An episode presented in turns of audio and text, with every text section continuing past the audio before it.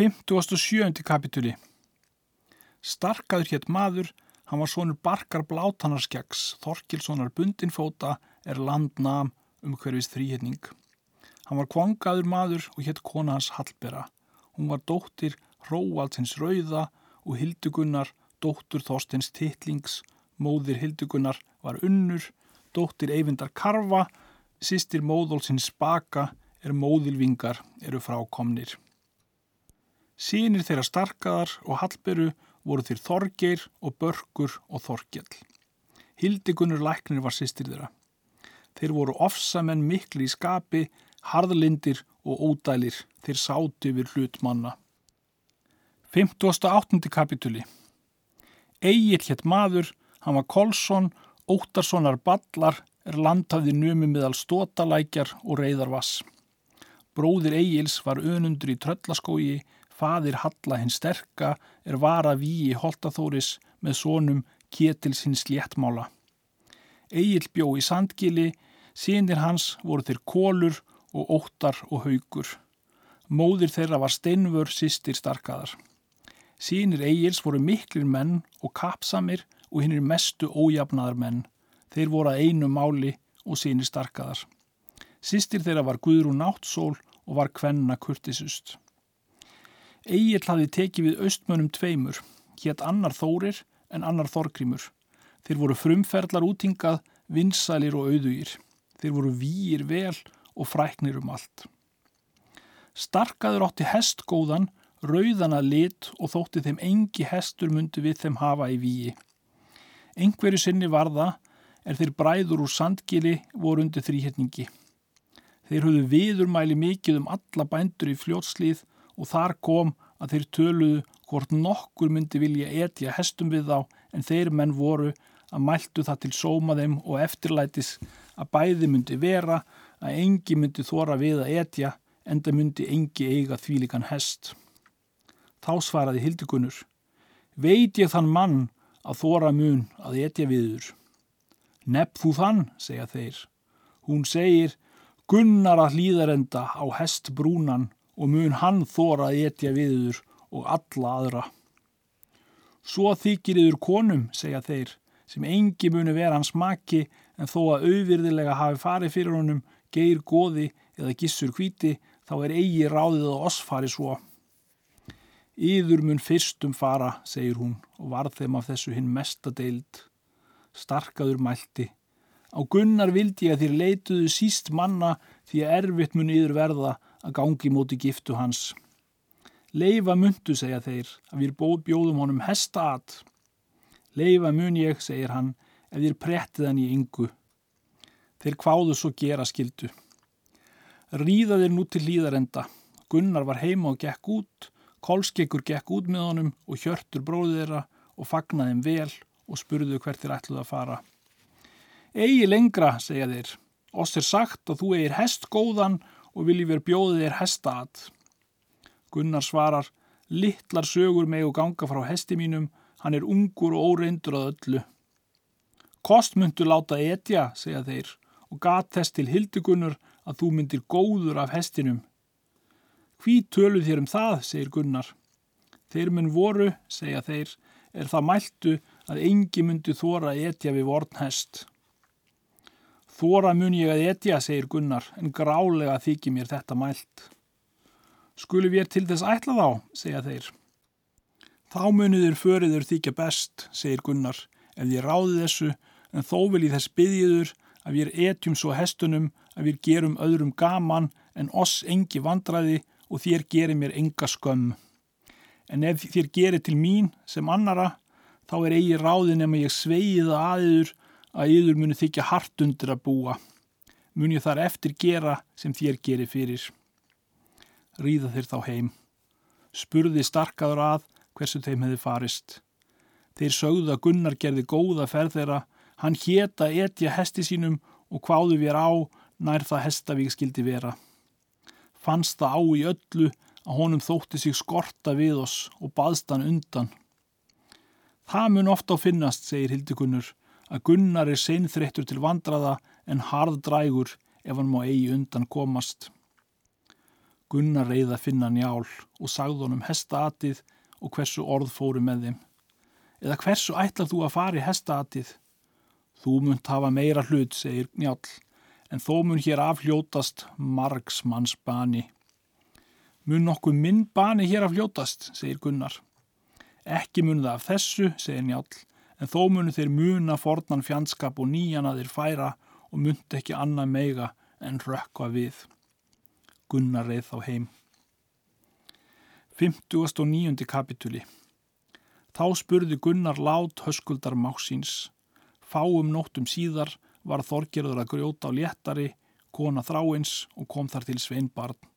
Sendum það mann til móður sinnar og bað hann að kjósa hvort heita skildi glúmur eða höskuldur.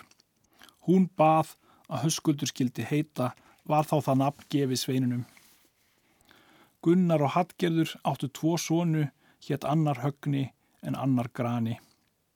Högni var maður gerfilegur og hljóðlindur, tortryggur og sannorður. Nú ríða menn til Hestavíks og er þar komið mikið fjölmenni. Var þar Gunnar og bræður hans og Sigfúsinir, Njál og sínir hans allir.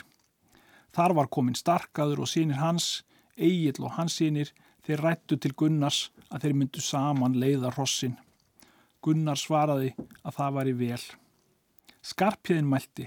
Vilt þú að ég keiri hestin, Gunnar frændi?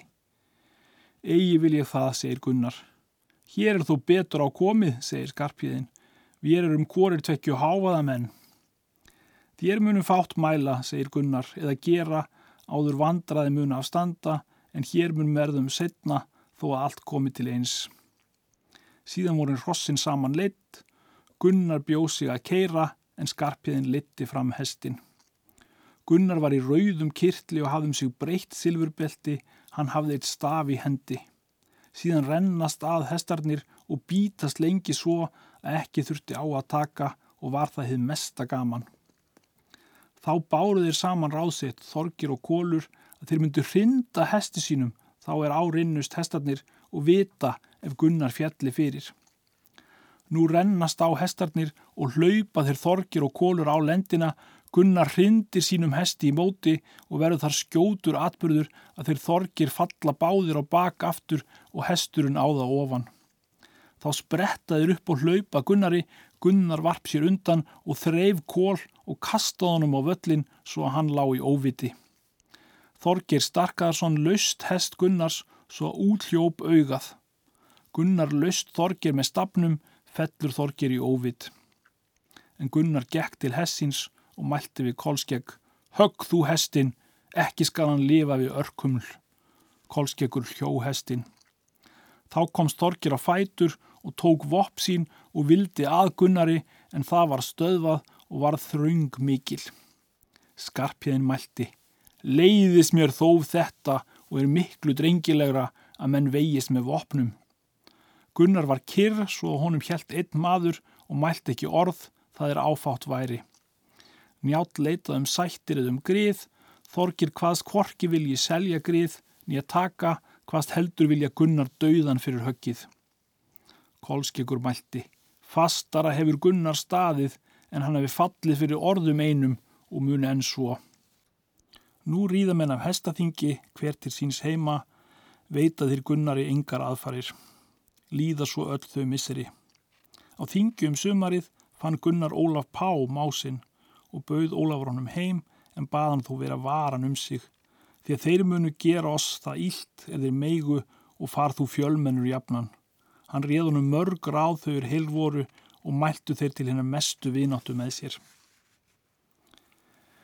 60. kapituli Áskrimur Elliðagrímsson hafði mál að sækja á þinginu, það var erðamál. Málinu átt að svara Úlfur Ukkarsson.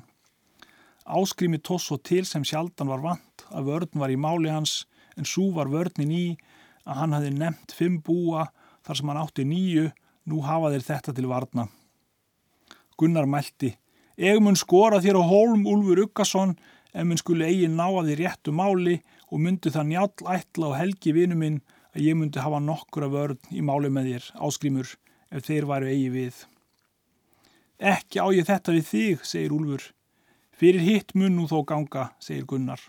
laug svo því máli að Úlfur hlaut að greiða fyrir allt. Þá mæltu áskrimur til Gunnars. Heim vil ég þér bjóða í sumar og jafnan skal ég með þér í málaferlum en aldrei í móti. Reið Gunnar heima þingi. Littlu síðar fundust þeir njál. Hann bað Gunnar vera varan um sig hvað sér sagt að þeir undan þrýhetningi ætlaði að fara aðunum og bað hann aldrei fara við fámenni og hafa jafnan vopp sín. Gunnar hvað svo vera skildu. Hann sagði að áskrimur hefði bóðunum heim og ætlaði nú að fara í haust. Láttu enga menn vita, segir njál, áður þú ferð eða hversu lengi þú ert í brautu. En ég býðir þó að síni mín er íði með þér og mun þá eigi á þig ráðið. Réðir þá með sér. Nú líður á sömari til átta vikna. Þá saði Gunnar Kolskeggi. Búðu ferðina því að við skulum ríði tungu til heimbóðs. Skal nokkuð nú gera orðin í álsónum, saði Kolskeggur. Ekki, segir Gunnar, eigi skul þeir hljóta vandraði af mér. 61. kapituli Þeir riðu þrýr saman Gunnar, Kolskeggur og Hjörtur. Gunnar hafði atgerin og sverðið ölvisnaut en Kolskeggur hafði saksið. Hjörtur hafði og alvefni. Ríðaði nú í tungu, áskrimur tók vel við þeim og erður það nokkura hríð. Þá lýsaðir yfir því að þeir ætla þá heim að fara. Áskrimur gaf þeim góðar gafir og bauða ríða með þeim austur, Gunnar hvað einskis myndu við þurfa og fór hann eigi. Sigurður Svínhauði hétt maður, hann kom undir þrýhetning, hann bjófið þjórsá. Hann hafi heitið að halda njóstnum um ferð Gunnars. Hann sagði þeim nú til ferðans og hvað ekki myndi verða vætna en svo er hann var við hinn þriðja mann. Hversu marga munum við menn þurfa, segir starkaður, í fyrirsátt. Ríkt mun verða fyrir honum smámennið, segir hann, og eigi ráð að hafa færre en þrjá tíu manna. Starkaður mælti, hvar skulum við fyrir sitja? Við knafahóla, segir Sigurður, þar sér eigi fyrir en aðeir komið. Far þú í sandgil, segir starkaður og seg agli að þeir búist þaðan 15 en við munum koma hérðan aðrir 15 til knafahóla. Þorgir mælti til hildugunnar. Þessi hönd skal þér sína gunnar dauðan í kveld. En ég get, segir hún, að þú berir bæði látt höfuð og hönd af þeim fundi. Þeir fara fjórir feðgar undan þrýherningi og ellefu menn aðrir fóruður til knafahóla og byðu þar. Sigurður kom í sandgil og mælti. Egum sendur hingað af starkaði og sónum hans að segja þér eigil að þér feðgar fara til knafahóla að sitja fyrir Gunnari. Hversu margi skildu við fara, segir eigil. Fymtan með mér, segir hann. Kólur mælti. Nú ætla ég mér í dag að reyna við kólskegg. Mjög þykir mér þú ætlaðir, segir Sigurður. Egil bað austmenn sína fara, þeir hvaðust engar sakir eiga við Gunnar en það þarf hér mikils við, segir Þórir, er fjöldi manns skal fara að þremur mönnum. Gekk þá eigill í braut og var reyður. Húsfreyja mælti þá við östmannin. Ítla hefur Guðrún, dóttir mín, brotið ott af oflæti sínu og leið hjá þér, ef þú skalt eigið þóra að fylgja máiðinum og myndu vera ragur maður, segir hún.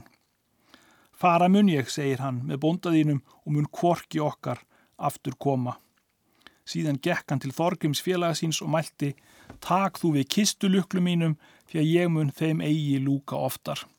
Bið ég að þú eignist líkt að fyrir okkur sem þú vilt en far utan og ætlast ekki til hemda eftir mig. En ef þú ferði í utan þá mun það verða þinn bani. Östmaðurinn tók vopp sín og réðst í flokk með þeim. 60. annar kapitúli Nú er þar til að taka að Gunnar rýður austur yfir þjórsá. En er að maður komin skamt frá ánni, sifjaðan mjög og baðan þá æja þeir gerðu svo. Hann sopnaði fast og létt illa í svefni. Kolskekkur mælti, dreymir Gunnar nú. Hjörtur mælti, vekja vildi hann. Egi skal það, segir Kolskekkur, njóta skal hann draum síns. Gunnar lá mjög langa hríð og varp síðan af sér skikkjunni og var hann um varmt mjög. Kolskekkur mælti, hvað hefur þig dreymt frændi? Það hefur mig dreymt, segir Gunnar, að ég myndi eigi riðið hafa tungu svo fámennur ef mig hefði þá þetta dreymt. Kolskekkur mælti, seg og strömðinn. Það dreymdi mig, segir Gunnar, að ég þóttum stríða fram hjá knafahólum. Þar þóttumst ég sjá marga varga og sóttu þeir allir að mér en ég snýrist undan fram að ranga á. Það þóttu mér þeir sækjað öllu megin en við vörðumst. Ég skaut alla þá er fremstir voru, þar til þeir gengu svo að mér að ég mátti eigi bóganum viðkoma. Tók ég þá sverðið og vó ég með annari hendi en lagði með atgerunum annari hendi. Lífði ég mér þá ekki og þóttumst ég þá eigi vita hvað mér lífði. Drap ég þá marga vargana og þú með mér kolskekkur en hjört þótti mér þeir hafa undir og slíta honum brjóstið og hafði eitt hjartað í munni sér. En ég þóttist verða svo reyður að ég hjó varkin í sundur fyrir aftan bóuna og eftir það þóttu mér þeir stökva varganir. Nú er það ráðmitt hjörtur frændi að þú rýðir vestur aftur í tungu. Egi vil ég það, segir hjörtur. Þótt ég viti vísan bana minn, þá vil ég þér fylgja. Síðan riðu þeir og komu austur hjá knafahólum. Kolskeggur mælti. Sérðu frændi mörg spjót koma upp hjá hólunum og menn með vopnum. Ekki kemur það ofurum, segir Gunnar, að draumur minn sannist. Hvað skal nú til ráða, segir Kolskeggur. Ég get að þú viljir eigi renna undan þeim. Ekki skulu þeir oss um það spotta, segir Gunnar, en ríða munum við fram að ranga í nesið, þar er víi nokkuð. Ríða þeir nú fram í nesið og búast þar við. Kólur mælti er þið ríðu hjá fram. Skal renna nú, Gunnar, Kolskeggur svarar. Segðu svo fremi það er sjá dagur er allur. 63. kapituli Síðan eggjaði starkaður sína menn, snúa þeir þá fram í nesið af þeim. Sigurður svínhauði fór fyrstur og hafði törgusgöld einbyrðan en sviðu í annari hendi. Gunnar sér hann og skýtur til hans af bóganum, hann brá upp skildunum er hann sá örin að hátt fljúa og kom örin í gegnum skjöldin og í augað svo að út komum nakkan og var það víg fyrst. Annari ör skaut Gunnar að úlfhjeðinni ráðamanni starkaðar og kom svo á hann miðjan og fjallan fyrir fætur bóndæginum og fjall bóndin um hann. Kolskeggur kastaði til steini og kom í höfuð bóndanum og var það hans bani. Þá mælti starkaður. Ekki munast þetta duga að hann kom í bóganum við og göngum að fram vel og snarplega. Síðan eggjaði hver annan.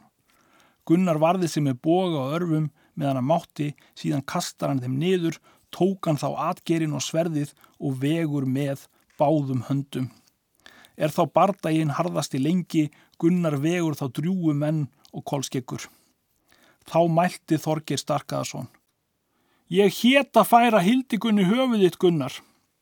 Ekki mun henni það þykja svo miklu varða, segir Gunnar, en þó mun þú þá verða næra ganga. Þorkir mæltu við bræðu sína.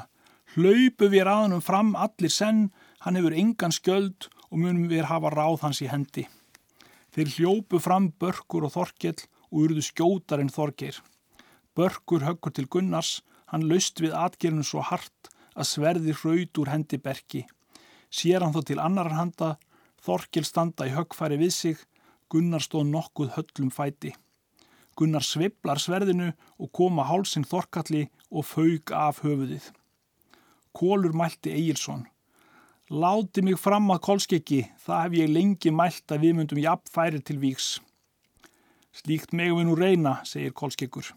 Kólur leggur til hans spjóti, kólskekur hafið þá vegi mann og átti sem mest að vinna og kom eigi fyrir sig skildinum og kom lægið í lærið utanfótar og gekk í gegnum. Kolskekkur brást við fast og óð að honum og hjó með saksin á lærið og undan fótinn og mælti. Hvort namðið eða eigi? Þess galt ég nú, segir Kólur, er ég var berskjaldadur og stóð nokkura stund á hinfótinn og leita á stúfin. Kolskekkur mælti.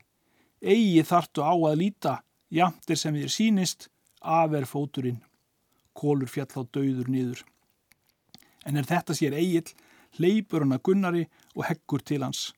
Gunnar leggur í móti atgerunum og kom á eigil miðjan. Gunnar vegur hann upp á atgerunum og kastur honum út á rángá. Þá mælti starkaður. Alls vesall ertu þórir austmaður, er þú situr hjá, Nú er vegin eigill húsbóndiðinn og máur.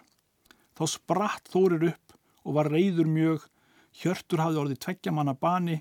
Ustmaðurinn hleypur að honum og heggur fram hann á brjóstið. Hjörtur fjall þá þegar döður niður. Gunnar sér þetta og varpa sér skjótt til högs við austmannin og heggur hann í sundur í miðju.